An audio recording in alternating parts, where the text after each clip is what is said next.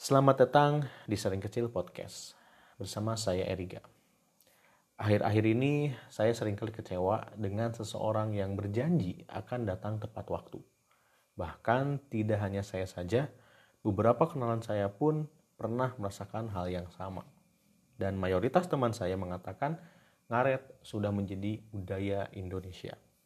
Saya pun mengatakan di dalam hati, apakah memang seperti itu? Dan apa faktor yang mempengaruhi seseorang itu ngaret? Dan bagaimana solusi untuk mengatasinya?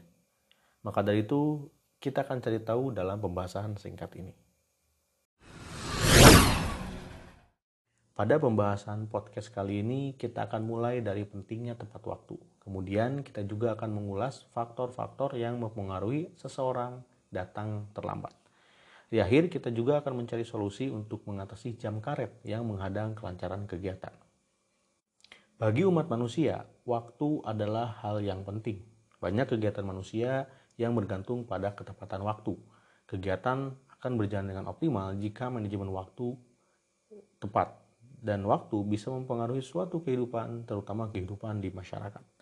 Sebaliknya, jika waktu yang digunakan buruk, maka segala kegiatan akan tertunda dan tidak jalan dengan semestinya. Sehingga tidak salah jika waktu adalah salah satu komoditi yang terbatas. Karena semua orang, termasuk Anda, memiliki waktu masing-masing sebanyak 24 jam setiap harinya. Akan tetapi, tidak semua orang bisa mengatur waktunya dengan baik. Budaya ngaret yang terjadi di Indonesia tidak terjadi begitu saja. Ada faktor-faktor pendukung yang mempengaruhi budaya ngaret tersebut. Faktor pertama, tidak adanya kesadaran bahwa jadwal kegiatan semua orang berbeda dengan dirinya. Misalnya saja, Anda memiliki janji untuk bertemu dengan seorang kawan pada pukul 2 siang dengan harapan pukul 4 sore pertemuan Anda dengan kawan Anda tersebut selesai karena masih memiliki janji lain di pukul setengah lima sore dengan kawan Anda yang lainnya. Alih-alih kawan Anda datang sebelum pukul 2 siang, kawan Anda malah terlambat beberapa jam. Sampai pembicaraan yang harusnya selesai pukul 4 sore, malah berakhir pukul 6 sore. Sehingga Anda datang terlambat atau justru Anda membatalkan janji temu dengan orang lain atau kawan Anda yang lainnya di pukul setengah lima sore tersebut. Faktor kedua, sering kali sikap keterlambatan ini ditunjukkan oleh seseorang yang memiliki jabatan tinggi, baik itu pejabat atau atasan di sebuah perusahaan dan instansi tertentu. Katanya sih sibuk, akan tetapi ini menjadi contoh bagi orang lain secara tidak langsung dan terkesan bahwa keterlambatan adalah hal yang biasa. Faktor ketiga, segan atau memang tidak ada keinginan untuk menegur orang yang terlambat dan ini adalah faktor yang membuat orang tersebut selalu datang terlambat dan menjadi sebuah kebiasaan. Setelah menjadi kebiasaan, biasanya hal tersebut akan sulit untuk diubah. Jika faktor-faktor tersebut dibiarkan sehingga membuat Anda nyaman menggunakan jam karet, maka masalah baru pun akan timbul bagi siapa saja yang terlalu nyaman menggunakan jam karet. Dan masalah pertama adalah kegiatan tidak akan berjalan dengan optimal. Yang seharusnya pertemuan bisa diselesaikan selama 3 jam, karena ada seseorang yang ngaret, acara selesai bisa sampai dengan 4 jam. Dan masalah kedua, karena tidak menghargai waktu, itu akan menimbulkan berkurangnya rasa peduli terhadap kesibukan dan kepentingan orang lain. Dan ia pun tidak akan merasa terbebani dengan dampak keterlambatan tersebut pada orang lain. Kita juga sering menjumpai bahwa sosok pemimpin, baik itu di perusahaan atau instansi, sering kali memiliki kebiasaan mengulur waktu karena banyak hal yang harus dikerjakan. Dan sikap seperti ini pun akan menimbulkan masalah. Di antaranya adalah menurunnya sikap tersebut pada bawahannya maupun orang lain. Karena dinilai sebagai hal yang lumrah karena telah dicontohkan oleh atasannya tersebut. Dan masalah yang terakhir yang mungkin akan timbul adalah lebih cenderung tidak disukai oleh orang lain.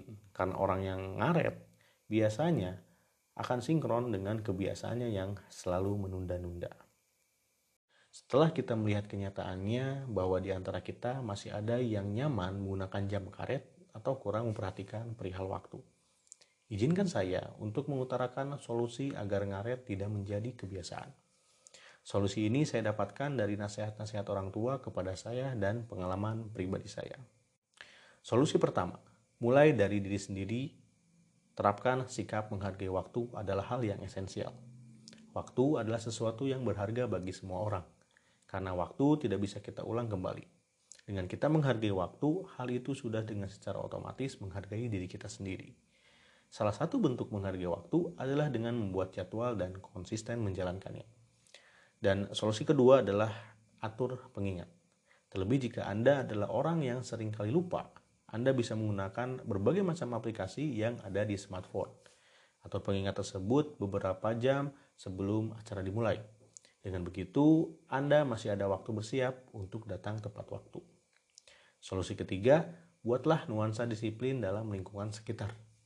Seperti keluarga atau circle komunitas Anda, sehingga dapat dengan mudah memutuskan rantai karet yang menjadi problem seseorang selalu datang terlambat.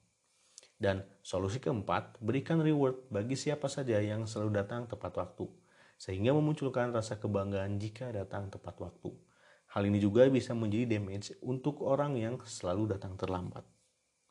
Pada intinya, Agar kebiasaan ngaret hilang, maka kita semua harus mengubah kebiasaan diri melalui kedisiplinan, menghargai waktu, dan manajemen waktu yang baik.